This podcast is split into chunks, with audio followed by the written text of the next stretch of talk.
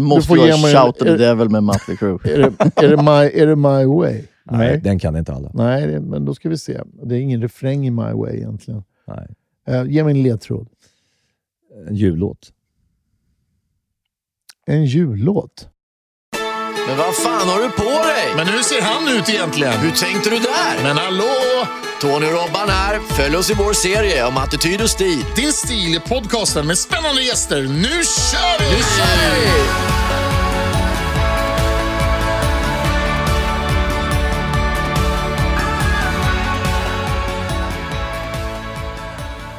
Ni är så hjärtligt välkomna till avsnitt tre av podcasten Din stil. Och mitt emot mig idag sitter du, Tony Vanderoy! Eh, Tack så mycket, Robert Hoffman på andra sidan, mitt emot. Och idag har vi en härlig gäst, nämligen Mike Eriksson! Hallå, Mer känd som Yellow Mike. Hallå, hallå. Du, mannen med eh, tusen namn, eller? Ja, vi pratade om det innan här precis. Jag, jag skulle träffa Mike första gången för några år sedan och fick ett nummer tillsänt till min mobil. Där hette han Little Mike. Var det så? Ja. Ja, det händer ofta. Så glider han in och säger bara, tja jag heter Micke, eller någonting sånt. Ja. Typ. Eh, och sen så blev det Yellow Mike, och sen var det Gul Front och sen så var det Mike. Bara. Mike. Ja. ja, men det känns som att det finns en, en hel del namn där i repertoaren. ja, kärt barn har många namn. Ja, men eh, vad, vad vill du att det ska vara helst? Nej, de får kalla mig vad som helst. Bara jag fattar att det är jag de tilltalar. att det är mig de tilltalar. Ja. Men alltså, du, eh, Yellow Mike Band, det var det som började. Ja, det var min, eh, det var ett band, ett coverband som jag hade Ja. för en massa år sedan. Och Ja. eh, då var det min basist Henrik då, som kom på namnet The Yellow Mike Band. Ja, du ser, du ser. Ja. Men du Tony, innan vi liksom ska höra allt vi ska prata om och så vidare, så, vidare, så har vi ju faktiskt, vad då? Veckans bubbel!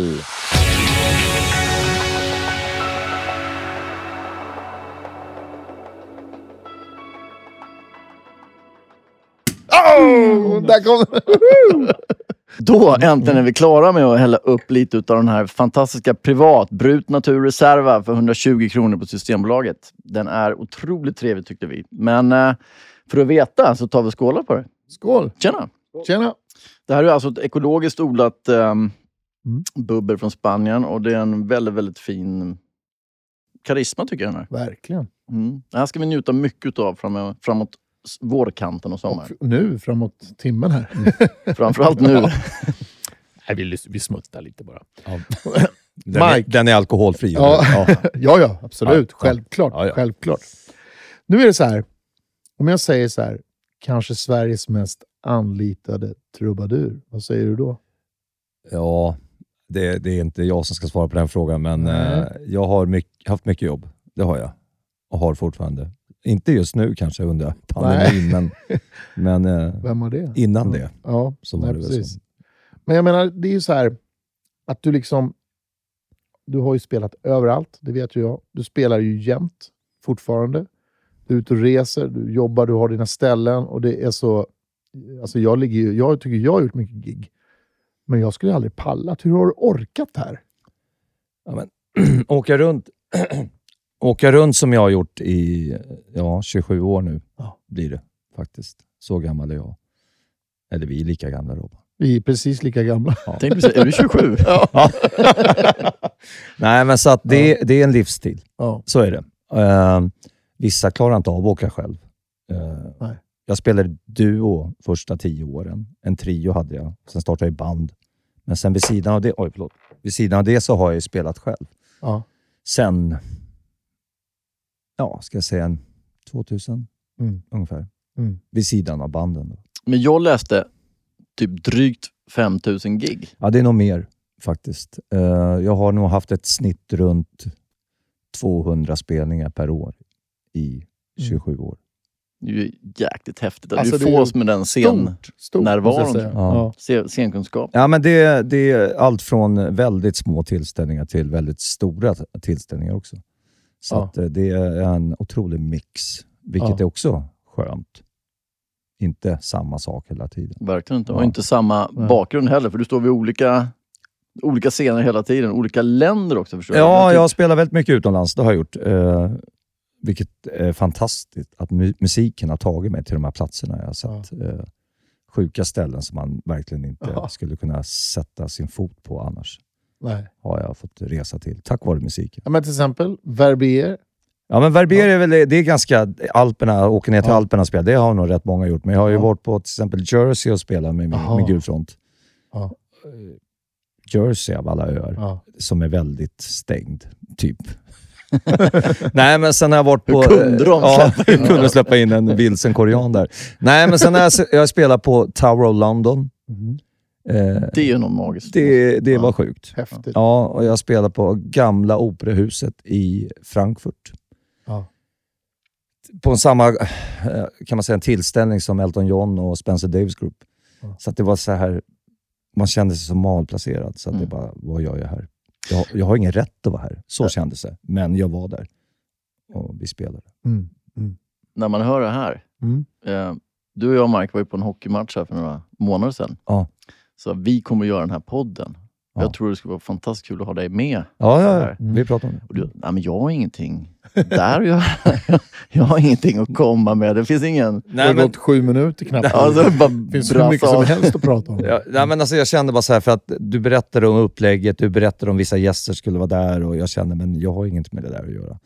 Men jag har ju min historia. Det har jag, Verkligen. absolut. Och det är det vi tänker, det är Mm. det vi tycker är intressant. Mm. Liksom att vi i podden här ska ha olika eh, historier och intressanta människor från alla typer av verksamheter. Mm. Det är vår, vår eh, målsättning. Och, eh, alltså när man pratar om alltså det här med...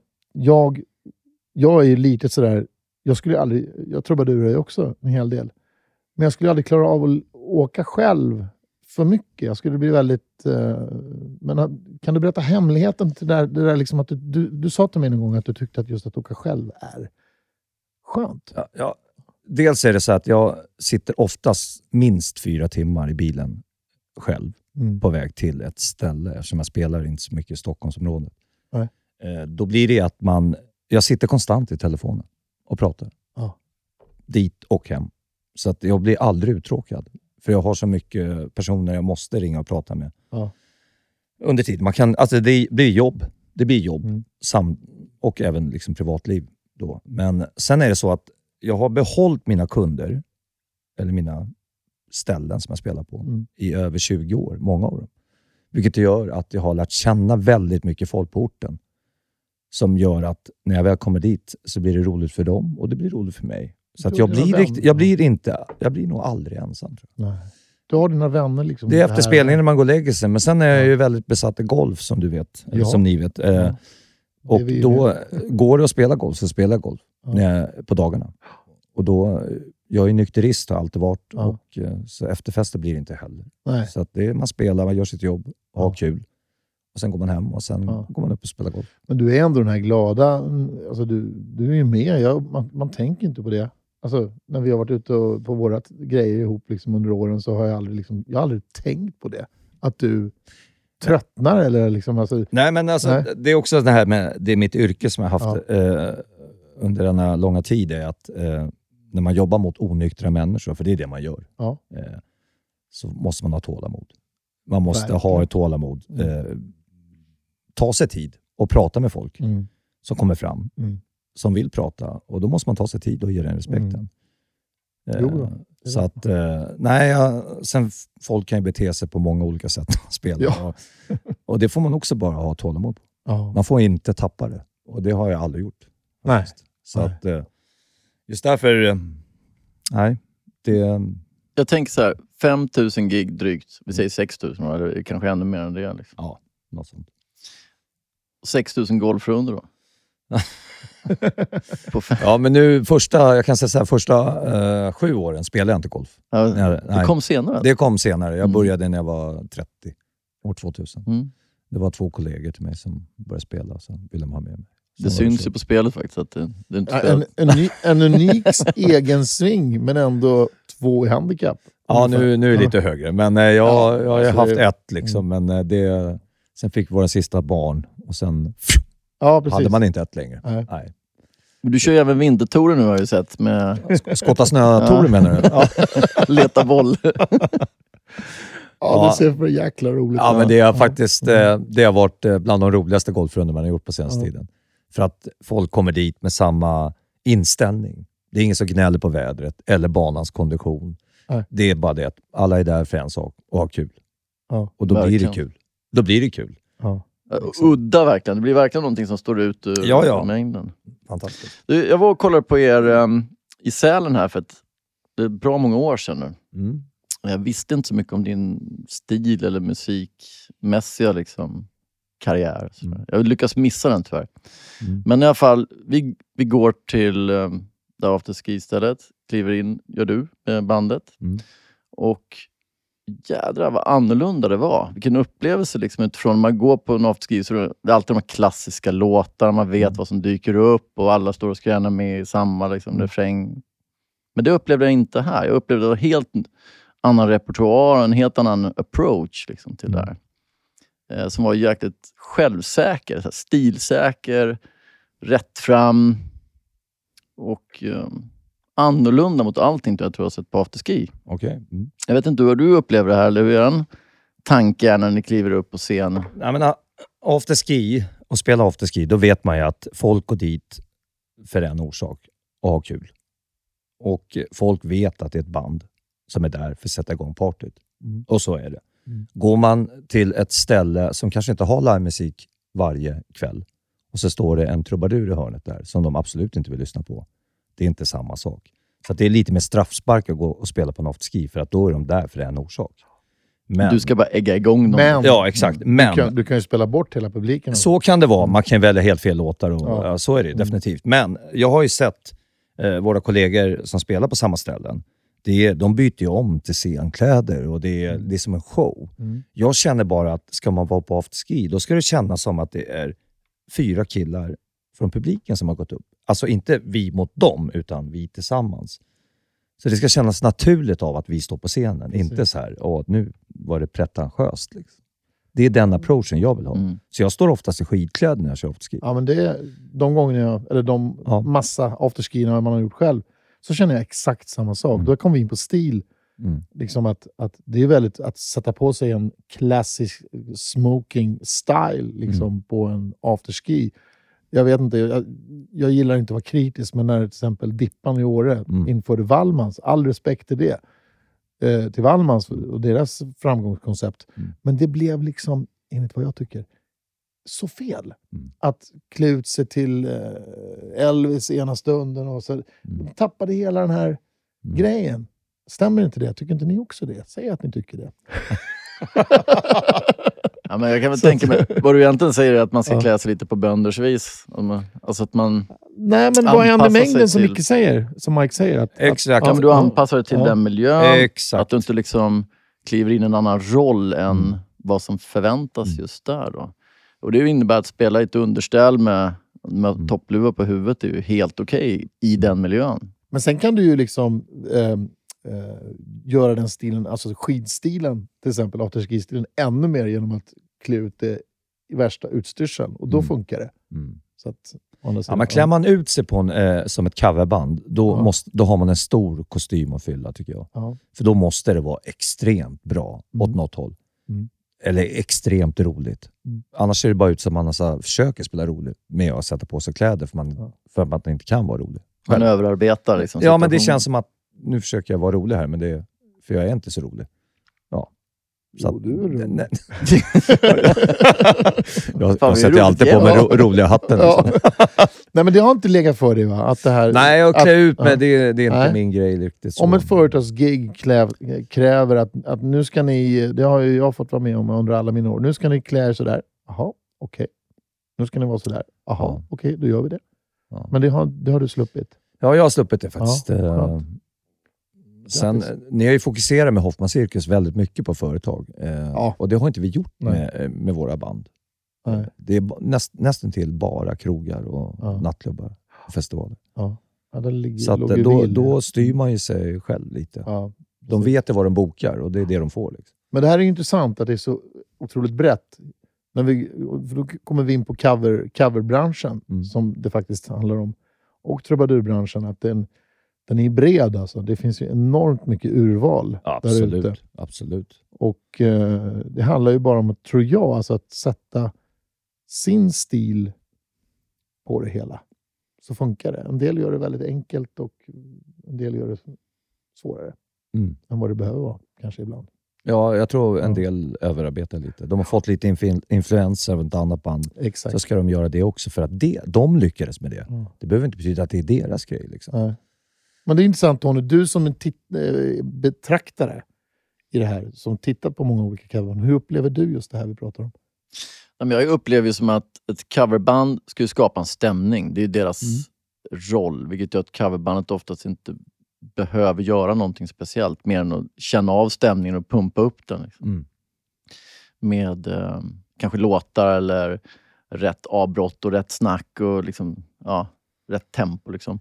Men jag upplever också att som jag sa lite när vi, när vi såg er första gången här, då var jag faktiskt förvånad för det var annorlunda. Annorlunda låtval och det var en helt annan lugnare, softare feeling. Och jag upplevde, liksom, som du säger, att du bjöd in publiken väldigt mycket mer än, än vad många andra gör. Kan nä, nästan ha vad heter det, sådana stängsel och grejer Ja, ja, kravallstaket. Ja, men man tänker verkligen Ja. här, vänta, behövs det här? Ja. Är det det som är? Ja, men det kan ju ni lyssnare bara få veta att det är Micke, Mike, en otroligt bra på. Att bjuda in publiken, att få integrera med publiken. Att, att du, du slänger en kommentar till den personen, dialog med den. Du, Ja. du bekräftar verkligen publiken och det tror jag är Det måste man oerhört göra. viktigt. Absolut. Mm. Jag menar, man får inte glömma bort att man spelar ett coverband. Man är där för att underhålla.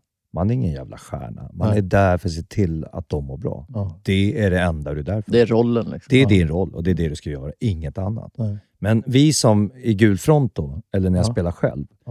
Det är många coverband. Eh, jag vet inte hur ni har gjort med Hoffman Circus. Det är att ni gör setlist på låtar ni ska spela. Det har vi aldrig. Nej, det har hänt att vi, vi kör helt öppet. Mm. Absolut. För jag, jag måste titta på publiken Ja. Innan jag bestämmer vilken låt vi spelar. Så det är själva grejen. Att eh, mina killar i bandet, de har ingen aning om vad vi ska spela första låten. Nej. De frågar, vad ska vi börja med? Nej, det får vi se. För jag måste gå upp på scenen, titta på Ja. publiken. Vilket Ja. mood är de i? Mm. Vad är det för ålder? Mm. Vad är det för läge? Och sen välja låt. Mm. Och sen, Det enda jag gör när första låten spelas, för då har jag ingen aning om vad vi ska spela sen. Det är hur jag ser hur publiken tar emot låten. Ser jag att det här var en bra grej, då spinner man vidare lite på den genren. Mm. Men känner jag så här, "Nej, det här, fest, det här, fe- det här fäster inte, då måste jag byta genre. Mm. Ja. Så att det är... Ja, vi är helt överens. Alltså, sen är det så här, beror på helt, som sagt, återigen då, vad, typ, vad för typ av gig du gör. Liksom. Mm. Eh, har du publiken där, ja men, till exempel vi har gjort mycket på Berns under Mm. åren, Nalen och sådana företagsgig, och då vet jag, då är det låtlistan som gäller. Och det finns liksom inte så mycket annat att göra. Men s- på en afterski, Mm. Dippan i år eller, eller Sälen eller någonting sånt där, man bara känner att, äh, vi känner efter. Och så bara, det är en magisk känsla. Mm, ja, det är det Ja. Det väl, måste ju också ha lite med den här erfarenheten. Det är ingenting man gör de här första Nej, året, absolut utan inte. Det här är Det- någonting som kommer med tryggheten och kunskapen. Och, Alltså, vad det handlar om också i, i, i vårt yrke, det är att eh, man hamnar ständigt i situationer som man varit med om förut, på andra gig. Mm. Och då gäller det bara att ta fördel av det och göra det på ett sätt som ser väldigt spontant ut. Ja. Även fast jag har gjort det tusentals gånger, Ja. så ska det upplevas av publiken. Shit vad spontan han är. Det där snappade han Mm. upp, det där snappade han upp och det där såg han. För jag, det är det enda jag gör, titta runt i publiken. Mm. Reaktioner. Mm. Är, det, är det folk som grinar illa som står nära högtalaren, ja, då är det för högt eller för starkt. Då. Mm. Så att, ja, nej. Ja, det är spännande. Det här handlar ju om, om kemi alltså, och, och energier Mm. väldigt mycket. För Jag kan känna det när man, när man står på en tom scen, att det här kommer sluta, det här kommer sluta så tråkigt. Men okej, det är ett gig. Mm. Sen så kan det ta tio minuter, så helt plötsligt så väller in folk. Och så, och så ändras förutsättningarna bara så. Och då gäller det att hitta sig där, Mm. helt enkelt. När vi tittade runt lite och gjorde research på det här och vi tittade också på era Youtube-klipp liksom, från en del större tillställningar. Det är ju en rätt saftig publikbild Ja, eller miljöbild som man ser där utöver publiken. mm. Jag tänker liksom att från att spela kanske på ett mindre ställe med afterski, fast med det tempot, den energin, till att gå upp på en större scen. Hur, hur fyller man den? Liksom med... Det är, jag kan säga så här, det är svårare att spela för mindre publik. Den stora utmaningen till en stor publik. För att eh, där blir man, man, behöver man kan inte vara personlig om det är fler, över tusen personer. Nej, precis. Det, det går inte. Nej. Man kan inte bara, bara prata med hon som står längst fram eller han lite längre bort där. Det går inte. Så då får man ju liksom välja låtar efter stora massan och då Mm. blir det bara eh, något roligt mellansnack om någon incident om låten eller låten eller någon incident som har hänt på den här scenen förut eller vad som helst. Det blir inget personligt. Så att eh, mindre spelning är absolut roligast. Ja, man kan tänka mig att man får gå in i en annan kostym då, om man får säga så. Ja. Liksom, där det Ja, men blir det, större. det blir showface. Ja, Det är en så. utmaning, helt enkelt. Det är det det är. Att, för mindre publik att, att, lyckas, att lyckas hitta rätt, rätt spår och köra på det. Ja. Och jag tycker precis som du, att jag menar, när, man, när det står ett publikhav de gångerna man har fått spela för det, så är det bara, ja, måtte det här publikhavet hoppa. Det är det enda jag kräver av mig själv. Och av, ja, annars är jag inte nöjd. Då har jag misslyckats. Men eh, en mindre publik ska man liksom få intresserad och integrera. Ja. Ja, nu har vi pratat om det, men det är faktiskt så det funkar. Jag tänker också, om man går upp på en... Om man tänker de här riktigt stora arena banden som åker runt, världen runt och sådär. Nu vet jag inte hur största publiken du, kanske är där själv Mike, så jag ska inte säga för mycket. Det, Ja, den största publiken det är faktiskt 25 000. ja, det, ja, det var s- Sverige Sverige eller? Ja, Göta, precis. Götaplatsen. Ja, just Ja. det. Ja. kan vi prata om lite senare. Ja, Ja. Det är lite intressanta Ja. grejer därifrån. Men, men jag tänker så här, när man kliver upp där, då har du ljuset på, du ser ju knappt publiken. Du har en show, den är väl inövad och liksom, man stökar av det, så är det nästa stad. Mm. Man kommer knappt ihåg var man var. Mm. Det måste ju ändå vara en, vad ska man säga, en negativ sak i showbiz, när det blir för stort. Det blir liksom mer... Det är lite för opersonligt. Ja, och Ja. du kan kliva in och styra med högerhanden vart, vart alla ska röra sig, vad de ska Mm. göra, när de ska hoppa och när de Mm. ska skrika. Liksom. Det måste ju vara en helt annan typ av feeling från scenen. Ja, absolut. absolut. Mm. Så är det. Du, jag tänker på en sån här... Om man, om man ändå tar så här, man åker på after ski, sen åker man på någon after beach. Eller någonting liknande. Är det någon skillnad? Ja, det är stor skillnad. Ja. Ja, det är mycket lay, mer laid back på en after beach. Mm. Det går inte att jaga fram något sånt här eh, massivt röj som man kan få på en afterski. Mm. Folk har varit på stranden hela dagen. Eh, du vet, nej. Det är bikinis på... nej men de pallar på- inte. De pallar, det är för varmt. Och, det, Värme och nej. kyla kontra... och sen, är det, sen kan det vara så här att det är lite för tidigt på, på dagen också. Mm. Eh, De vill inte göra bort sig för mycket. Då är det hellre att bättre att se cool ut Mm. än att se... Ja. Lägga Stämmer. spanet inför kvällen. Där. Ja, men lite så. Ja. Lite så, absolut. Sen blir det röj på kvällen. Men det, då får man lägga nivån. Vi Ja. lägger ju en nivå på en after beach på ett helt annat sätt. Mycket skönare låtar, mycket allsångslåtar. Mm. Ja. Så att, eh, ja. Är, är det någon låt som du alltid spelar på dina... Är det någon sån där du, det här måste bara med? Nej, Nej. jag har ingen sån. Nej. Det är många som kräver att man alltid ska spela stadig ljus. Men det, det pallar man ju inte. Liksom. Man är så trött på den låten. Så. Jag vet inte, är du trött på den Robert? Ja, det är klart man är, men samtidigt så är det ju liksom all heder åt Py Bäckman och Tommy Körberg. Det är en fantastisk låt, tycker jag. Och när man väl gör den, jag brukar känna så här, att nej, inte den, okej då.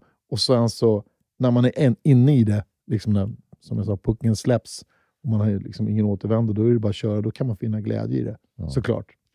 Men vad känner du? Alltså, du Nej, ja, alltså, jag, har spelat den lite för mycket. Alltså. ja. Eh, man spelar på rätt mycket ställen som det är mycket ungdomar och det Ja. har ju blivit en grej för ungdomarna. Alltså, Stadig Ja. ljus, stadig ljus.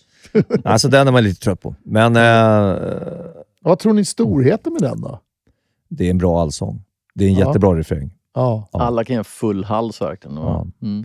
Men den bästa refrängen som har gjorts, vilken är det då? Tänk efter. nu. Alltså det, nu pratar vi uppbyggnad, allting. Eh, alla kan den. Oj, oj, oj. Det måste ju Oavsett vara, ålder. det måste får ju vara Shout at the Devil med Mötley Crüe. Är det, är, det my, är det My Way? Nej, den kan inte alla. Nej, det, men då ska vi se. Det är ingen refräng i My Way egentligen. Nej. Uh, ge mig en ledtråd. En jullåt. En jullåt? Nej, du får säga. Alltså. Du, jag kommer Och Helga natt. Ja, och Helga natt. Ja, men alltså ja, den ja. refrängen, det är den Ja, ja. bästa refrängen. Alltså den uppbyggnaden och allting och sen klimax med Åh, höga C.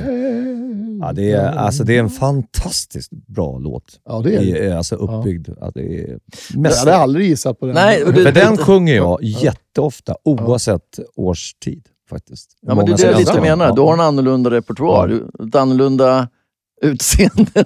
Men det där, Du kliver upp på ett annorlunda sätt på scenen. Du tar dig an den på ett annat sätt Men jag. alltså, jag har ju en fördel med att jag är en inte så stor asiat. Mm. Eh, Du kan Ja, men- leka med det här Nej, men alltså, och när man ska, någon som aldrig har sett mig spela, och det de ser är en tanig liten asiat på en scen, och sittandes, jag sitter alltid ner när jag kör själv, eh, och sjunger Och helga natt. Det är så fel, mitt i sommaren. Det stämmer inte. Ja, men det finns inte ett rätt med det. Det är fel årstid. Det är en liten asiat med en väldigt Ja. liten eh, kroppshydda och sjunger Och helga natt. jag skulle vilja kontra med alltså, den vi kör, också Jussi, det är till havs. Ja. Den har ju liksom vi kört. De vill ha, alltså, folk som har hört oss köra den vill att vi ska köra den jämt. Mm. Och jag brukar, nej, inte den. Mm. Eh, lite så. Som, Nej, så här, inte den. Nej, Snälla, inte den. snälla, kom igen då. Inte den igen. men det är två hits. Liksom. Jussi Björling. Ja. Mm. Hur många låtar har du på din repertoar? Ska? Ja, ja, jag har väl legat på runt 400, men nu har jag ju repat under pandemin, så att det är väl 450 nu. 50 Där. till. Ja, Så jag repar rejält. där eh. ligger man i lä jag säga. Men det är det jag har i huvudet. Ja. Sen har jag säkert 100 låtar som har fallit bort. Som, om man Längs tittar vägen. på det, ja, Mm. längs Men vägen. något som jag är väldigt imponerad av, Micke, det är ditt gehör. Jag, jag tycker att du har ett fantastiskt gehör. Tycker För- du? Ja, nej men alltså... Så, alltså det, är inte, det är inte de lättaste låtarna, tycker jag. Du, du liksom har lärt dig. När jag, när jag tittar på dig på någon tillställning så bara, nej men coolt, han grejer den här också. Liksom, var kommer det ifrån? Musika, ja, musikaliteten, såklart. Ja. Men varifrån? Ja, jag, Vad jag, hände? jag har ingen aning vad som hände faktiskt. Nej. Eh, en anekdot från eh, Thailand faktiskt, som var där ett golfgäng i Hua Hin, så kommer en kille som är med på resan som heter Benny Nybro, han kommer fram. För då var jag uppe och gästade med Thailands band. Och då sa han, fan Mike, så här bra har du aldrig sjungit förut. Vad är det som har hänt? Ja. Och då, jag har aldrig reflekterat om, eller över att jag är en bra sångare. Jag är en bra underhållare. Jag är bra på att läsa av publik och Mm. ta publik Mm. och välja låtar därefter. Det är kanske min starka sida. Men sångare och gitarr, nej. Jag anser själv faktiskt, nu, nu är jag helt ärlig, jag är förmodligen den sämsta musikern som spelar så mycket i hela Sverige. För att jag kan ingenting, lyssna nu, jag kan ingenting. Nej, nej men nu, helt ärligt nu. Jag kan ingenting om eh, det teoretiska bakom musiken. Nej. Jag kan ingenting. Jag vet inte vilka toner det är som ingår i ackorden. Jag kan inte ens skala. Nej, kan- Jag är sjukt dålig. Jag, alltså, ja, herregud så dålig Ja. jag är. Och sen att jag sjunger, eh, jag sjunger väl okej. Det gör jag. Men det är det att jag har ju, som jag sa tidigare, den här eh, fördelen av att jag är en liten asiat. För att återkomma till det. De förväntar sig inte stora låtar från en liten asiat. Ja, att jag har- klarar det. Du har ju din stil klar. Liksom. Jo, men just därför. Jag menar, skulle det komma upp en, kille som dig Robban, då förväntar de sig, nu jävlar kommer Ja. en pipa och ut Mm. kommer en pipa när du sjunger. Mm. Jag förstår vad jag menar, men när de ser på mig. Det är förutfattade meningar bara. Mm. Det är bara det det är. Så att, eh, Men är det Ja. inte lite som eh, Robban säger också, att det är mycket bra gehör? Liksom, att du verkligen kan fånga upp det här? Och... Det har du ju. ja, men jobbar man med en sak i 27 år, då borde man bli bra till slut. Hoppas jag. Hur gick det med golfen då? Nej, det är inte helt så. Men jag har inte hållit på 27 år det. Nej, men det, det är ju något man övar upp såklart. Det, Jo. Ja, eh, och det finns ju där, men du, du har det där, jag säger det, liksom, det, det ligger naturligt för Ja. dig.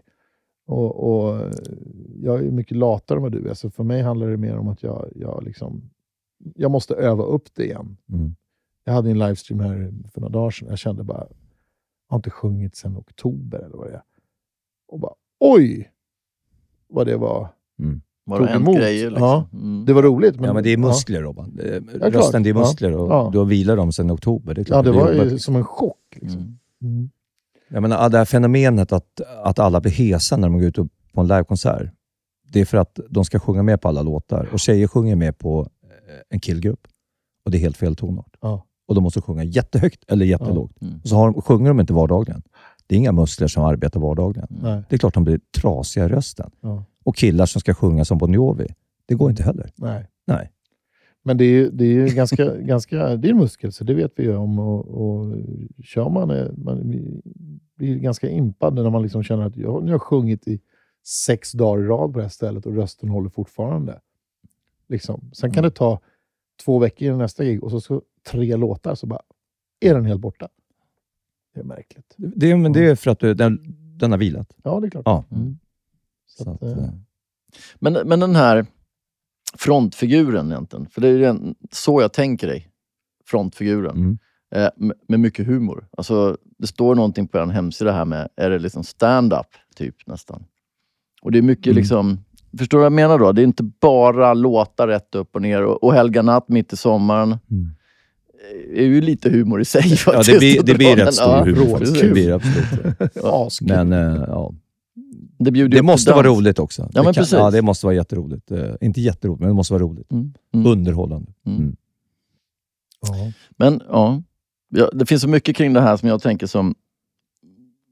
För också det här när vi gör research och tittar på dig så, så står du i en t-shirt och gitarr. Det är liksom det som jag brukar se dig Eller de bilder också som jag hittar på dig liksom, är mycket den. T-shirt och Mm. gitarr. Eh, och när vi var uppe och kikade på dig så, så står du nästan med ryggen mot publiken ganska mycket. Eller du, du, liksom, du är bara med. Alla är liksom en, en enhet. Det är inte så att du står mot publiken, utan du, du är med publiken. Precis som du sa, du bjuder in och liksom alla är med där i den, i den ehm, showen eller Mm. den eh, känslan, feelingen. Liksom. Det tycker jag är jäkligt stort. För det, det upplever jag inte att man ser så mycket annars. Nej. Och ibland hamnar man i att man bara står och tittar på frontpersonen. Och gör han ingenting ballt, ja, men då tar vi en öl istället Ja. och så gör vi Ja. någonting annat. Ja, du har några få sekunder på dig Och fångar den där. på en scen och det gäller liksom att hitta den rätt ton. Så enkelt är det. Men, men Mm. nu pratar vi bara, vi pratar mycket om off-ski och det här, Mm. de här självklara spelningarna. Mm. Men de riktigt svåra spelningarna är att när man spelar i mindre orter, som Arvika Ja. till exempel, där jag spelat i 20 år, Ljusdal en annan, Kristianstad, det är lite större. Ja. Men vi tar eh, Ljusdal till exempel, som Mm. kanske har ett eller två ställen att gå på. Och vi säger att det finns bara ett ställe. Mm. Och när folk ska gå ut, då går de till det stället som finns. Det kanske finns några till, men det är inget roligt, för allt folk är på det här stället. Och om inte det här stället har live hela tiden, vi säger att det är ett sällskap på tio personer, Mm. varav en av de tio vet vem jag är. De andra nio har ingen aning. Nej. Eller de vet vem jag är, men de gillar mig inte. Då är det min uppgift då, om vi säger att det, vi säger att det är ett litet ställe, 200 Ja. personer. Vi säger att det är 10 procent som har sett mig förut, eller som uppskattar mig. Då är det min uppgift att se till att de andra 20, eller 80 procenten då, tycker det var en bra idé att ha livemusik. Det räcker. Flytta in dem liksom. Nej, men du kan inte få dem att Du ska inte gå och tro att jag ska, alla ska tycka om mig. Det är inte det det handlar om. Det är bara att det inte blir någon negativ tanke av att det var livemusik. Mm. Det är egentligen dit man måste nå. Mm. That's it. Mm. Man ska inte sträva efter mer. För att dels, det finns ju massa olika sätt, enligt mig, då, att njuta av musik. För det första, ha det i bakgrunden. Att det bara är liksom perfekt. Sval eller ja, absolut. fyller Ja, tomrummet. exakt. Det är en variant. Att man sitter och lyssnar i två. Den tredje är att man eh, sjunger med och deltar. Och Den fjärde är eh, liksom dans. Och den femte är då röj. Party. Ja. Att man, man bara släpper allt. Så det är de fem grejerna. Och att liksom, av de här fem eh, sätten att njuta av musiken, Mm. så på vissa ställen kanske majoriteten, nummer ett, har det i bakgrunden. Då kan man inte bara gå upp på en scen och bara Åh, här är jag, kör bara, Ja, nu sjunger vi, nu dansar vi. Det, det vill inte vad de ha. Ja, Så att när jag startar en spelning, oftast en trubadurspelning, då säger inte jag ett ord på de första fyra låtarna. Jag spelar väldigt Mm. lugna låtar så folk får vänja sig med att det är livemusik. Sen kan man börja prata lite. Och då får man även med dem som Mm. bara vill ha det som bakgrund. Du vaggar in dem. Liksom Man, man lurar dem att Ja. det här tillhör kvällen lite. så. John Johansson, han pianisten, gamla pianisten, han hade ju ett trick. När han hörde sorl i publiken, han var ju väldigt mån om att det skulle vara tyst. Vad gjorde han tror ni? Spelade han hårdare eller tystare? Tystare. Han tystade, så man knappt hörde honom. Och då, då fick publiken, ah, vad är det här nu då? Ja, och då fångar han. Och Ja, men det är lite samma sak. Alltså, Exakt samma sak. Eller exakt, men det är precis, det Ja. funkar ju så. Psykologi på hög nivå. Men sen har man ju nått då på de här ställena, som, det kan vara stora ställen också, att man får 100% attention. Och då är det så här att oavsett vem det är i sällskapen så sitter ingen och tittar på varandra. Alla tittar med ansiktet mot scenen. Ja. Ingen pratar med varandra. Och då har man 100%. Mm. Och när man pratar är det knäpptyst. Säger man något roligt så skrattar de flesta förhoppningsvis. Och när man ber dem eh, eh, sjunga med så sjunger alla. Och sen när låten slut applåderar alla. Mm. Och de pratar inte med varandra. Man hör inte ett ord. Och det är sån här magiska... När det spelningar. händer så är det liksom... Ja, ja, ja. Sen stället eh, eh, på Öland, puben som jag spelar jättemycket. Ja. Där går verkligen folk dit för att lyssna. Det är samma sak ute De- på Djurnäset. Ja. är De, går inte, de går inte dit för att prata med varandra. Nej. Nej, de är där för att lyssna. Ja. Det är som konserter, fast, Ja. fast för liksom kroggäster. Ja, det är så. fantastiskt Ja. det blir så. Fantastiskt. Det tycker jag också är de roligaste spelningarna. Mm. Sittande publik som verkligen sitter och lyssnar och som uppskattar det man gör. Eh, Det är nog Man kan få ett sjukt drag trots att de sitter. Ja, ja. Det, det behövs inte hoppas framför en scen. Mm. För gör de det, då uppfattar de inte, de uppfattar inte vad man gör. Nej. De hör ju bara något. Och Ja, men draget kan väl också vara att, att, att, att alla är med. Liksom. Även om de inte är de, som du säger, Ja. så är de ändå med. De är delaktiga. För en unik sak, för att återgå till afterskin här, att vi har ju väldigt mycket lugna låtar med gul front. Mm. Och speciellt Verbier som du nämnde. Ja. Där kan vi avsluta en afterski i Verbier när folk är som på topp med tre eller fyra ballader. Häftigt. Ja. Mm. Och då är det typ Bohemian Rhapsody, We Are The World, Hey Ja. Jude och Ja. Angels. Som alla, det är mycket engelsmän där, kan Mm. Mm. utan till. Och det är sån sjuk atmosfär. Ja. Så man, får- man får gå sig. Ja, ja. De sjunger så otroligt bra. Ja. Så att, och då, det har de med på hornhinnan när de är därifrån. Liksom. Mm. Shit, vilket Don't, drag. don't look back in anger. Ja, det också. Det är, det är Oasis. sjukt Ja. vilken Ja. allsång. När man släpper loss refrängen. Alltså. Ja. Det är So Sally sjukt. sjukt. Ja, det är magiskt. Vilka låtar det finns. Men, men Mike, alltså, jag tänker så här, ja, det, det måste vara fantastiskt. men vilket band slutar en afterski med fyra ballader? Nej, det, det har jag aldrig hört. Ja, ja, men vi är nog unika med det. Det är helt sjukt. Men jag tänker så att när man, när man hittar det där, det magiska, liksom, och man använder de här låtarna för att liksom flytta publiken i liksom sinnesstämning och som du säger, vad de kan och vad de kan skråla med i eller vad de bara kan bli upptagna av. Så det, är en ganska stor sak. Men du har inte gjort så mycket egna låtar, eller hur är den? Nej, det är inte min grej. Nej. Nej, jag har försökt. Ja, nej men Med jag bara undrar. Jag, Nej, men det är, jag, jag, nej, det är, jag är inte till för att skapa. Jag är till för att underhålla. Mm. Det är, Mm. Nej, fy fan. Men Sen sen- gillar jag inte min röst själv inspelad. Är det så? Jag tycker det låter för jävligt. men alltså, jag bara Ja, men så här, har- det, Är här, inte det bara en det här är en podcast, så Jo, det här blir inspelat. ja, jag vet, men nu pratar jag bara. Men alltså, det har jag inte sagt om min pratröst. För jag har alltid efter en vision av att jag ska eh, jobba på Karlavagnen sen när jag slutat med spelmusik. Ja, okej. Ja. Ja, men då ska jag säga, hej, det här är Mike. Välkommen till Karlavagnen. Det är lite sensuellt. Va? Ja, det låter Ja, det väldigt ska vara många äldre kvinnor som ska ringa in på Ja, kvällarna. Underbart. Ja, nej men i alla fall så att eh, det finns eh, folk jag hör sjunga live som jag tycker inte sjunger kanske så jättebra. Men på inspelning, skiva, det låter fantastiskt. Ja. Fantastiskt. Och de gångerna jag själv har med på skiva, det låter jävligt. Alltså. Men Det finns, en del, alltså det finns väl ingen värre än en sångare gör en fantastisk grej på skiva. Och så, man bara, så går man på konserten och väntar den där Ja. höga tonen. Till exempel, om vi tar John Bon Jovi när han ska göra Ja. eh, eh, Living on a prayer.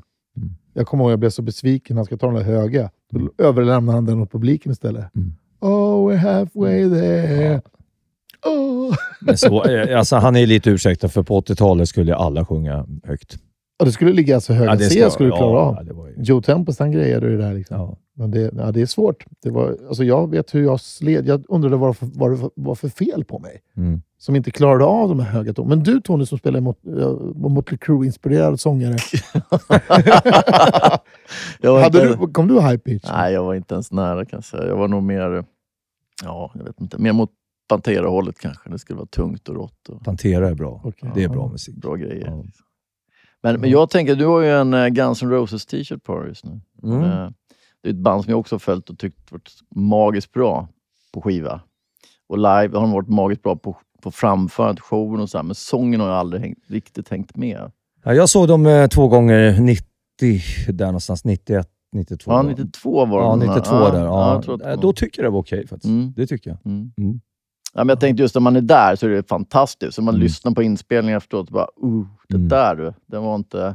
Men det är därför jag tycker så här, framförandet är otroligt viktigt för en artist. Där och då, och kunna fånga upp och, liksom, och ha låtmaterialet. Och, men sen är det så mycket mer som krävs. Det är photoshoots och det är intervjuer. Du måste skapa de där rubrikerna på sidan om. Och Mm. du kan egentligen bara kliva fram, njuta av den där drogen och stå längst fram och få med publiken och ta med den feelingen hem. Jo, ja, men, eh, absolut. Så är det ju. Det blir liksom... Eh, det är som att ha barnbarn. Jag vet, jag har inga barnbarn. Nej. Men man kan liksom...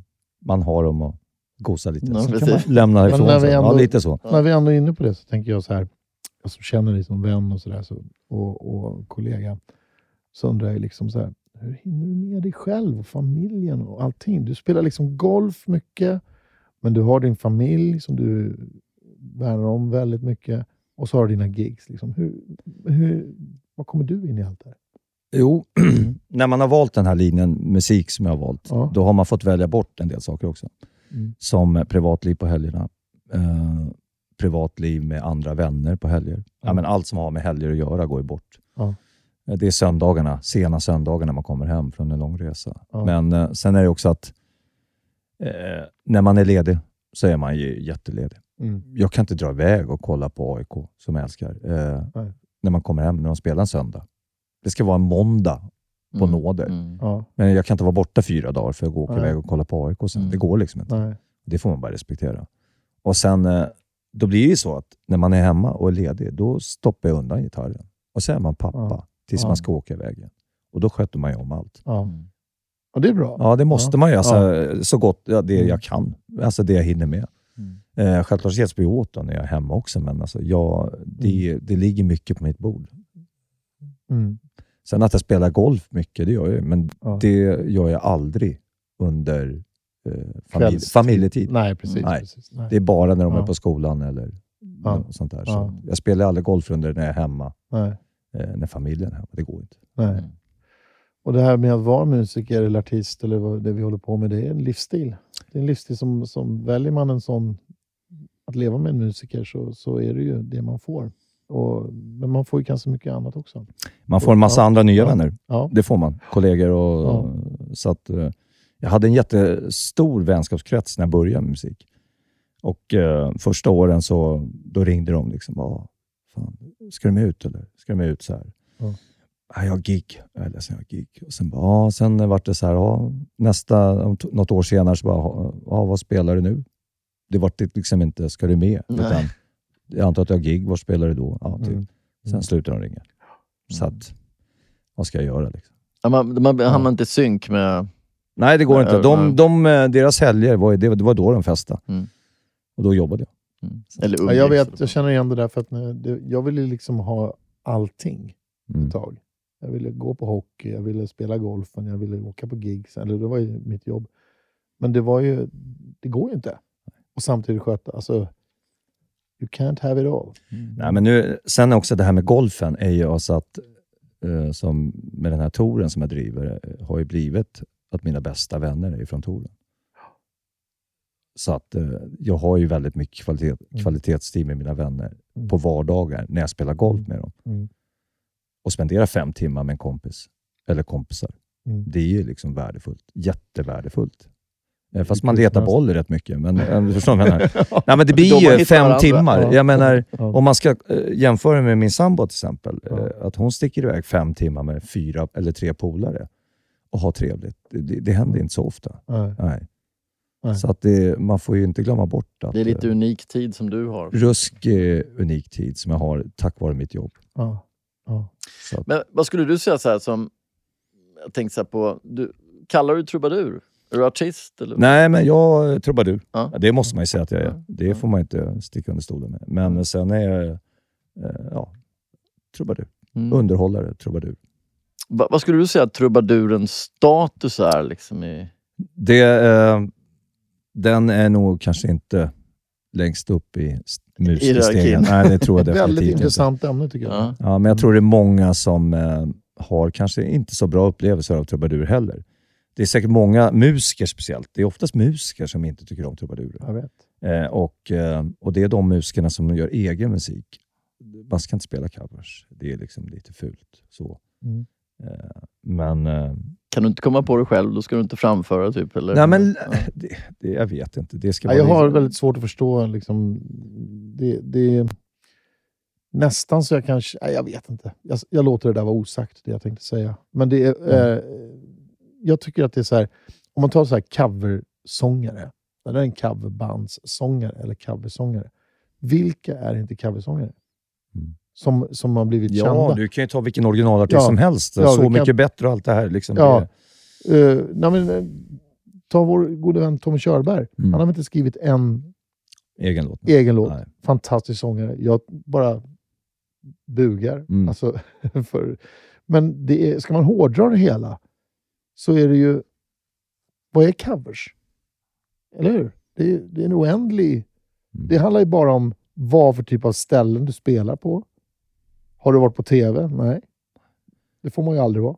Nej. inte för att jag... Nej, men sen Nej. blir det så här att eh, de, de, som tyck, de som hatar trubadurer eller coverband, Ja. vanligtvis så, åker de till Sandhamn en sommar, ja, då står de ännu där och partar. Eller åker Ja. de till Åre eller Sälen, går på högis. Mm. Det är klart de står där och partar ändå Ja, och har kul. ja.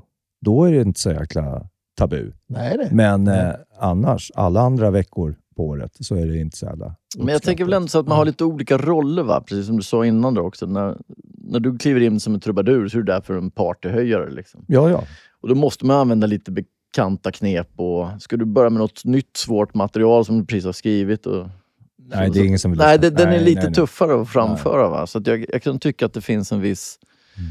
det finns en viss förklaring, det finns en viss tydlighet i de rollerna. Och en artist idag upplever jag som har mycket, mycket svårare. För att du har, Mm. det ska fotograferas, det ska koreograferas, det ska skrivas låtar, det ska vara management. Och det är liksom... Nej, men för att lyckas och skriva egen musik, nu är inte jag i den branschen, men min Mm. gitarrist är producent och har lyckats eh, och producera. Han skriver till andra, då, inte till sig själv. Men eh, det är bara så här att ska man skriva egna låtar och lyckas, då måste man ju ha... Det, går, det räcker inte med en hit. Mm. Du måste ha tio bra låtar. Alltså som slår, Mm, för att kunna leva på det. Mm. Jag menar, mm. ska du åka runt och spela en låt? Det går inte. Och jag kan också uppleva så att många artister som är studiomusiker, eller som, eh, som du själv, Ja. som, som eh, krönikör, jag tänkte säga. Mm. Då, då, då är det ändå att liksom du har en viss typ av... Eh, så, du, du är duktig på en grej liksom, som du verkligen tar tillvara på och får ut. Och det, där, där upplever jag liksom att en artist måste behärska så mycket, mycket mer. Alltså så skriver egna låtar, framför sina egna låtar, bygger upp ett band eller bandnamn. Eller ett, Ja, det är mycket image också. ja, Absolut mycket image. Och, Paketeringen blir ju ja. jätteviktig. Du måste bygga upp ett entourage. Liksom, kring. Nej, men sen är också att, ska jag börja sadla om och börja skriva egna låtar, Mm. det blir så här, jaha, då kan jag inte åka runt och spela covers längre. Nej. Nej. Jag ser det som två olika saker. Jag håller ju på med båda det. Ja. Jag tycker att det ena, det ena är, är, det är två helt skilda yrken. Mm. Det är två helt skilda saker. För min egen del. Och Jag tycker att det är liksom bara... Det är, ett, det är ett kul hobbyprojekt att skriva egen musik och ge ut det på Spotify. Och sen Mm. se vad, hur det mottas och vad man tar det. Men, sen har man Men det är här- inte där du tjänar pengar då? Nej. Nej. Inte, och, men jag tycker att det är så vansinnigt roligt. Mm. Att bygga upp en plattform. Ungefär som att man har ett vernissage eller Mm. att man bygger upp, man bygger upp någonting för själen. Liksom. Ja, jag, jag Ja. förstår exakt Ja. vad du säger, men det har inte Ja. lockat mig ett Nej. skit. Ja, Nej. fan, jag vet inte vad det är. Nej, men det behöver man inte. Nej, nej, alltså... Robban, du är tiokampare. Tiokampare? Ja. Medan Mike kan köra sin Ja, specialistgren. ja. Nej, fast han är ju, gör ju andra grejer som han är fantastisk på. Så det är bara... Nej, men om man liksom, så här, just som vi sa, då, hur ser den typiska trubaduren ut i folks ögon? Och liksom, så är det ju väldigt, väldigt, väldigt eh, typiskt. Alltså, t-shirt, skinnjacka kanske till giget. Skinnbrallor mycket. Ja, det, det äldre gardet, Ja. går fortfarande omkring Ja. i låga skinnbrallor alltså. Ja. och boots. Och jag tänker på den trubaduren som sitter på Viking Line när man går förbi och ingen tar notis, sitter där och spelar. Och jag brukar alltid ställa mig och lyssna för jag tycker alltid det är liksom av respekt liksom, Mm. för den personen som faktiskt bjuder på sig själv. Och så ibland så kan man se, nej, han har suttit där väldigt länge han bryr sig inte. Han vill bara få det liksom färdigt. Ja. Ja. Men det är en drivkraft. Men jag har så svårt att förstå det själv. Mm. Att nej, liksom, men, ja. nej, ja, men för den personen, eller för vissa kanske det är ett jobb. ja, men jag menar De det. kanske inte har några andra Nej. spelningar, men de har kommit in på Viking Line. Då behåller de ju det, ja, men jag- självklart. Precis. Och via det jobbet så kan de ju få andra spelningar Ja. av de som ser. Jag menar, mun till mun är ju bästa reklamen. Ja. Jag är ju pissdålig på, ursäkta Det ordvalet, men marknadsföra mig. Jag har aldrig behövt det, i och för sig det. Så att jag har aldrig haft någon hemsida eh, med mitt soloprojekt. Aldrig hemsidor, aldrig marknadsfört. Eh, det är jättemånga kollegor som lägger ut, nu spelar jag här och där och där, kommer Ja. hit och bla. Det Ja. har aldrig behövts. En gång i halvåret har jag lagt ut en turnéplan. Det är, det är så jag jobbar. Men nu med tanke på pandemin, så här, jag Ja, börjar, streama, Ja. då har, har man fått gått in i en annan roll. Ja. Den eh, virtuella Ja, men hur ser vi på det nu då? Liksom lite det här med livestream och såna här saker. Jag tycker att det är fantastiskt kul att det blir mer och mer och mer och man ser den gör saker, den gör saker. Det paketeras väldigt fint i snygga affischer och Mm. marknadsföring och sådär. Hur ser du på, på framtiden när det gäller streamad musik efter pandemin? Alltså, jag hade ju spelning hela pandemiåret förra året. Ja, Fram till november, tills det var den här åtta personers gränsen på krogarna och sen att de stängde åtta. Då, Mm. då dog det helt. För Du tänkte hade- åtta, där går gränsen. Där går gränsen. Jag Ja. brukar ha tio pers ibland, liksom, men åtta, nej. Nej, men alltså att då, jag hade bokat he, julbord hela fram till nyår, eh, eller till jul. Och sen var det eh, massa vinterspelningar bokade i Sälen och Norge och allting. Bara Mm. försvann helt. ja. Då liksom. Då hade jag en månad som jag inte spelade faktiskt eh, Mm. alls. Men sen då, jag bara, jag måste göra något. Och av en ren slump på Facebook såg jag en annons från Memo. Eller Memo, eller vad det heter. Memo tror jag heter det. Ja. Eh, då kändisar eh, spelar in videohälsningar Ja, just och, för motbetalning. Mm. Och då var det han, eh, ena, jag tror... Eh, Glenn Hysén här. Han brukar Nej, men det var, ja, men det var massa kända. Victoria Silvstedt, Ja. 800 kronor för en videohälsning och sen var det någon musiker, 500 kronor och bla bla bla. Sen bara skicka en, tog en skärmdump och sen skickade det till Daniel, min basist. Sen bara, vad tror du? Han bara, kör. Okej. Så då la jag ut en, en, eh, eh, gjorde en eh, liten marknadsföring på den här videohälsningarna. Och eh, det gav sjuk respons. Faktiskt. Kul. Ja. Ja. Och Sen började jag med en annat projekt med att man ska vara en PT, då, personal troubadour. Att man ska inte bara tänka liksom att det är på krogen det finns live. Bjud hem en trubadur live till en middagstillställning eller vad som helst. Precis. Något väldigt litet. Liksom. Det behöver inte vara någon pretentiöst. Liksom. Och Det gav också en lite så här småspelning. Så att eh, det fick mig att överleva över jul. faktiskt. Ja. Sen kom jag på det, eller jag och- i samråd med en krögare på Öland, då, eh, på det här stället jag spelar. Vi kör en livestream. Jag hade inte kört något på hela året, eftersom jag hade, hade spelningar. Och jag kunde ingenting om lösdrift. Så det var två veckor då, innan, så var jag tvungen att lära mig det. Och det har, eh, jag har spenderat sjukt många timmar framför Youtube. Sjukt många timmar i telefon med eh, två tekniker, en från Göteborg och en från Stockholm, som har lärt mig det jag kan nu. Och Sen har man ju självklart failat flera gånger. Men man fick uppgradera det man hade hemma. Och det har varit en sjuk jakt på alla prylar, att det ska bli rätt. Och Tekniken inte, för och dyrt, och inte för dyrt, för det hade man inte råd med. Nej, precis. Så att, eh, och sen har han fått lära sig att arbeta med Photoshop, som jag inte Mm. kunde förut, och eh, eh, videoredigeringsprogram eh, och allt det här. Så att det, tack vare pandemin så har man fått lära sig Ja. en massa saker som jag inte skulle ha gjort annars, för det hade bara tuffat på utan att behöva lära sig det här. Att det hade liksom skett sig själv. Om man Vilket är- tänker det som en frontman. Liksom. Du är ändå på scenen, du står med mängder av människor framför. Det måste ändå vara en jätteförändring. Och... Sitta och stirra in i en kamera. Ja, precis. Jo, men det är det. Men tyvärr, alltså, tyvärr kan jag inte säga. Jag har haft väldigt lätt när det är lite folk i publiken Mm. och fokusera på de som är där. Och verkligen så här, det är Mm. kanske bara tre som lyssnar där borta. Mm. De andra sitter och pratar. Då, då har man fokus på dem och det räcker för mig. Mm. Att man får lite fokus av någon. Vilket gör att kameran blir den personen som man fokuserar på. Ja, exakt. Och då blir det som en... Då interakterar jag med Ja. kameran. Som, har du det blir som en person. Sen har du liksom. flödet också på Facebook. Jo, det också. Ja, mm. Men att kameran, det blir som en levande person som man sitter och pratar med. Det är ganska sjukt. tror, eh, om jag ställer frågan till er båda, tror ni att det här eh, kommer avta efter det här? Det kommer det. Men det? inte-. Försvinna. Absolut Nej, inte. tror inte jag heller. Nej. Men jag kommer ju ta streamen, det är det jag har byggt upp min studio hemma då. Att, eh, försök, den ska vara portabel. Mm. Så att jag ska försöka streama en gång i veckan oavsett var jag än är. Då. Och då tar jag med... Det blir ju självklart man får anpassa. Kanske, ja, det passar inte så bra på fredag för det är en privatfest. Jag tror inte de vill att jag streamar Mm. från deras privatfest. Nej. Så att då kanske man tar lördagen istället. Eller torsdagen. Ja. Mm. Så då... För att jag menar, jag har ju släkt uppe i Norrland till exempel. Mm. Mm. De har sett mig spela en gång i Thailand. En gång. Nu kan de se mig varje Mm. fredag. Och det Ja, det tycker de är helt fantastiskt. Ja, härligt. Ja. Så att eh, på det sättet blir det ju... eh, då kanske stället tycker sen, där man spelar att ja, eh, men, nej, du får inte spela streama för att då kanske folk stannar hemma. Nej, det kommer de inte göra. Nej. De vill lyssna. Och det blir bara reklam när jag är i alla andra städer än deras. När jag väl kommer till deras stad. Då är det liksom... Så att, nej, jag tror inte det är något problem. Alltså. Nej, jag tycker att det eh, har varit en...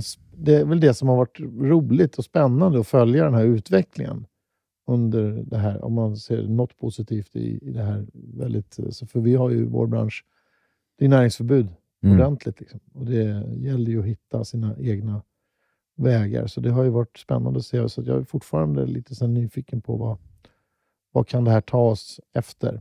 Eh, för att det, det, jag tror bekvämligheten kommer sitta kvar hos många människor. Att ah, det är skönt att vara hemma. Alltså lite så också. Det finns lite blandat. Så jag tror att det kommer fortfarande vara aktuellt faktiskt. Jag tror Ja. faktiskt att vissa band kommer sluta spela. Eh, Ja. Och så kommer det nya. och så kommer det nya. Ja. Nej, men jag tror att eh, de har liksom vant sig att inte spela och skaffat andra sysselsättningar eller jobb. Ställt de om. Liksom. Mm. jag, säga, om. jag sa ju till dig Tony, liksom, jag känner bara så här, upp, upp nu liksom, och spela, ställa sig på en scen och hoppa och köra covers nu. Alltså, när man inte har gjort det på ett tag. Det, det är som att börja om från början. Alltså. Det, så Det var känner jag. ovant, Mm. ja. Otroligt Mm. ovant. Jag tror att man pratar ju om i musikrevolutioner att det har kommit ett antal sådana genom åren. Mm.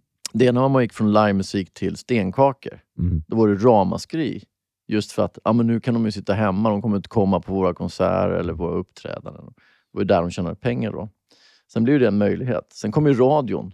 Då var ju det ramaskri. För att då, nu kan du sitta hemma. Du, Mm. kan du inte köpa våra stenskivor eller komma på våra livekonserter. Eh, och sen kommer då eh, eh, LP-skivan, kassetten, eh, Mm. MP3an och nu kommer då Ja, just det. pandemin eller streamingen eller vad man Ja. kalla det. Då. Så det har ju varit ett par stora skiften i musikvärlden. Var man har tjänat pengar och hur Ja. marknaden har funkat. Som har gått in i någonting nytt. Som alltid har blivit bra.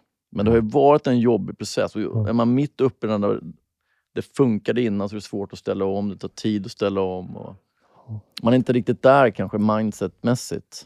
Alltså jag, det här med att folk säljer mindre skivor, absolut. De tjänar mindre pengar på det. Det gör de ju garanterat. De får ju pengar från, eh, från Stim och Spotify och allt det här. Jag vet inte hur det funkar, men... Eh, men Inte mycket direkt från Spotify. Men... Ja, det kanske inte... Nej, men alltså, jag känner bara så att eh, ju fler som har tillgång till di- sin egen musik, eller till deras musik, desto mer får de när de är ute och spelar. Verkligen. Mm, mm, men alla kan ju lyssna på allt, mm. allting nu. Mm. Det ökar ju värdet på. Förut var man tvungen att köpa skivorna. Nej, men det har ju Eller- satt, satt artisten i en helt annan liksom, situation. Ja, att, att om inte du är ute och spelar live så kan du ju liksom... Alltså, eh, förr var det ju väldigt många som tyckte att jag behöver inte spela live. Nej. Och det är ju faktiskt där vi integrerar och vi möter musiken, Mm. live-upplevelsen liksom, på ett helt annat sätt. Så är det ju. Och det, det som har varit väldigt stort, för de större i alla fall, det är ju merchandisen. Det är där många har överlevt på. Absolut. Mm. Så att merchandisen har varit en viktig... Alltså livekonsert, merch. Mm. Mm. Eh, och det bygger ju också då på image. Du måste ha en skön image. Jag vill Mm. kliva i din merch. Jag vill ha den på mig. Jag vill bära din reklam, eller vad man ska säga, åt andra. Ja. Eh, och det tror jag är en stor... Just nu tror jag att det är en stor eh, identitetskris i det här. För att eftersom du inte visar upp dig, du kommer inte ut på samma sätt. Kameran blir ändå en annan upptagnings... Ja. Mm. Ja. Så, så jag ser att det finns en stor utmaning, men jag tror också att det finns möjligheter i det här som kommer att... Och som jag hoppas och tror på så är den här efterkrigstiden, som man tittar, om man tittar bakåt, så har det alltid blommat upp direkt efter. Mm. Folk vill ut, de vill tillbaka, de vill umgås. Det är liksom Mm. en, finns en drivkraft i människan. Till. Mm. Jag hoppas det också. Ja, ja, det kommer bli kaos. Kaos. Ja, när pandemin släpper. Berätta. Ja, men det, har ni sett den här serien, Det är vår tid nu? Har ni sett den? Jag, jag ska se den. jag Den har är hört- fantastiskt bra. Ja, med restaurang. Mm. Mm. Och eh, Den första scenen är från eh, när det blir fred, andra Ja, världskriget. Mm. Så kommer det vara. När, ah, när, när regeringen bestämmer alla eh, restriktioner är släppta nu, då kommer det bli kaos. Du menar typ Kungsgatan, kaos igen? En dag, så jag tror du menar Nej. kaos överlag. Nej, alltså, det, det kommer bli ett sån Glädje. fest. Ja. Mm. Och ställena kommer, du vet, det är öppna upp och det är dygnet, det är 24 mm. ja, men vad, Det kommer Mm. bli sån galej. Alltså. Ja, vad roligt. Ja. Och vi musiker kommer få jobba röven av oss. Ja, Ja, men på riktigt alltså. Ja. Det kommer vara så mycket jobb överallt för att alla vill ta igen förlorad tid nu. Krögare vill ta igen. Eh, människor ja, det kommer bli en helt annan... det, ja. mm. Hörrni, vi börjar närma oss eh, slutet på denna härliga, detta härliga avsnitt med Micke. Jag säger Micke. Men vi säger säga Ma- vad du vill. ja, precis. Men om vi säger, skulle jag... ehm, ska vi ta den? Jag Tony? tycker det. Ja. Alltså om du fick eh, se framåt lite här nu. Hur ser ditt drömprojekt ut nu? Eh, mitt drömprojekt, jag har haft ett projekt, eh, eller två eh, visioner om när jag väl slutar spela musik, vilket Ja. jag kommer göra när jag tröttnar på det. För jag, har, jag tycker fortfarande det är fantastiskt kul. Jag dansade faktiskt förut. Okej. Det är inte många som vet det, men jag har ju dansat i sju år. Och Sen var det bara, kanske inte gick över en dag, men det kändes som så.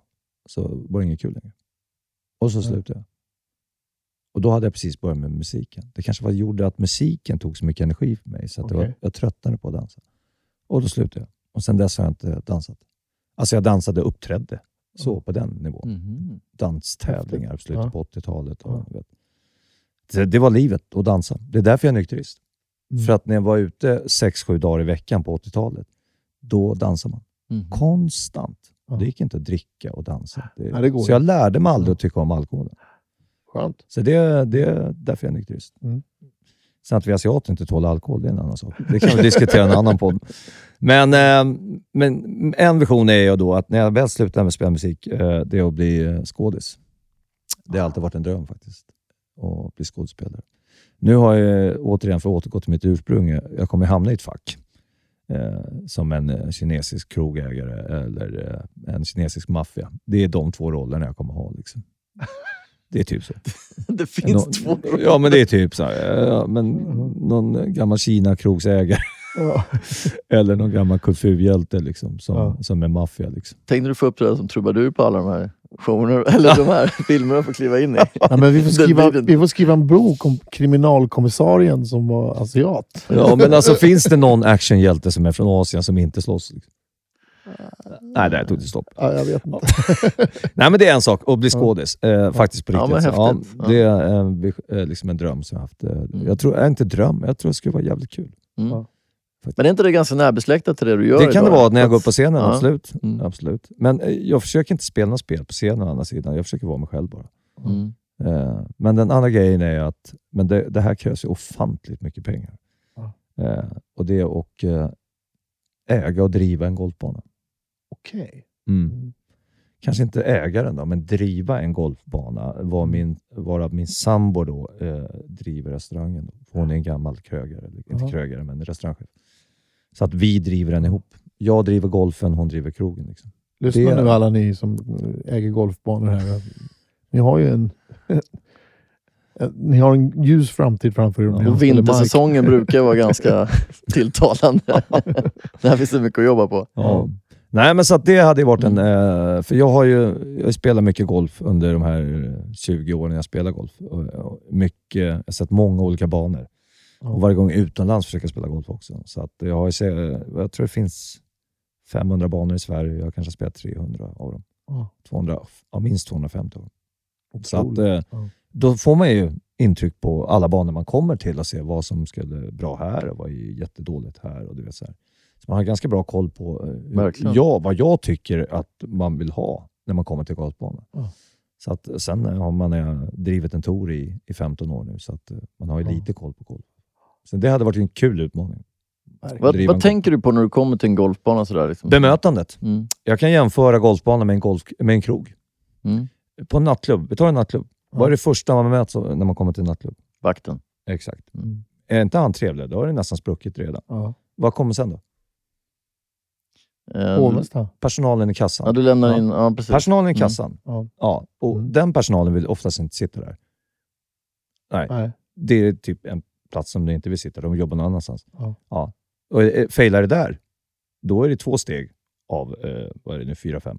Och sen går vi vidare. Vad kommer man då till? Ska hänga in jackan. Exakt. Garderoben. Och där står det verkligen personer som inte vill jobba där. Ja. Ja, de ser Och då har, vi, då har du liksom vakt, Mm. entré, garderob. Och då har du failat tre gånger redan. Sen kommer du in, vad kommer du då till? Baren. Baren. Exakt. Och en otrevlig stressad bartender. Man vill bara därifrån. Så finns det bara en sak kvar. Och det är femte grejen. Vad är det? Dansen. det? Brudarna. Vakten igen, han slänger ut. Vakten igen. Exakt. Vakten som står där inne och blänger. Det kan ju vara underhållningen som var den femte. Ja, är den dålig så är det... Nej, men så- så att- Artist-trubaduren som står där. Exakt, den där jävla asiaten som står och skriver. Nej men i alla fall, så på en golfbana, det första man kommer till, då är det ju golfshoppen eller receptionen. Och där kan man bli jättetrevligt bemött, eller tvärtom. Det är en sak. Sen kommer man till restaurangen, man ska gå och typ köpa något Mm. efter det. Ja, där kan man också bli dåligt bemött. Och sen är det halfway house. Ja. Och sen kanske det, de, innan det kanske man har en starter som är otrevlig. Mm. Det har de inte oftast, men det finns så många led där som kan faila innan man står ut. Liksom. Det kan ju vara att du, får, att du har någon stroppig dam i shoppen till exempel. Eller vad som helst som gör att man bara vill därifrån. Liksom. Ja, Det- jag kommer ihåg ett, eh, en incident eh, på Fågelbro. Nu nämnde jag det, det var inte meningen. jo, jag måste få berätta det här Robban. Ro- Robban kommer De in. är, de är underbara. Ja, Jag är förlåten kan ja, jag säga. ja, men Robban kommer dit och han har ett par schyssta nya svarta jeans. Alltså, så här, det ser inte ut som jeans. Men Nej, det var- hon, hon i ja. shoppen ser att det är ett par jeans. Ja. Nej, du får inte gå ut med dem. Va?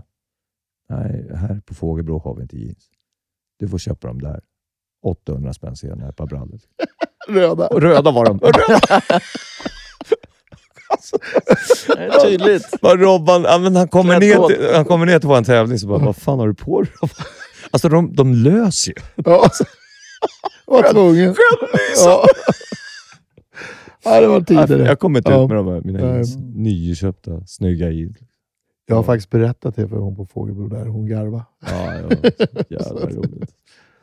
Ja. Vi, vi var på och spelade golf i Spanien här för några, nu ett par år sedan. Då, men så var det på en bana, jag kommer inte ihåg exakt vilken bana vi var på, men ingen, ehm, ingen range.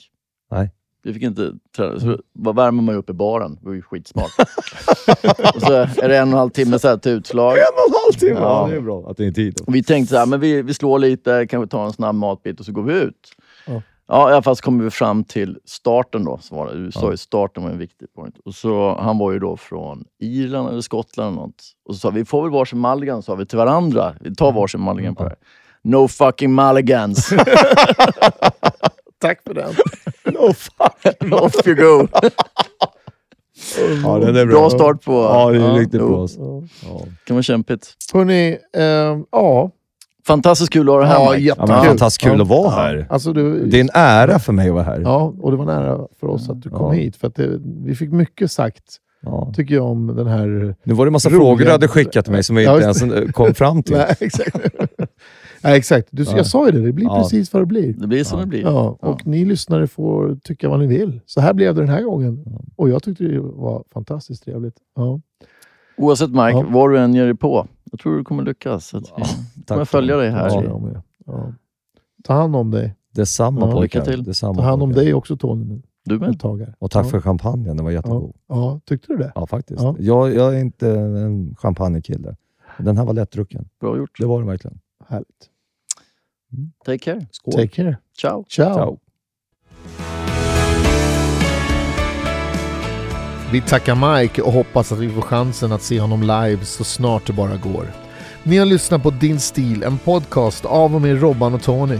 Och tills vi hörs igen, var rädd om dig och vårda din stil.